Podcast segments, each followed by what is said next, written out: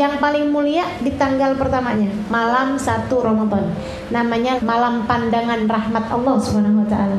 Yang kita usahakan malam pertama Ramadan tuh ada hal-hal yang kita kerjakan yang bikin Allah sayang sama kita. Salat tasbih kalau bisa malam pertama Ramadan. Kemudian lagi baca surat Al-Fatih. Terawihnya juga yang sempurna, witirnya yang sempurna, tangisan kepada Allah taala, memohon ampunan biar ada tuh malam.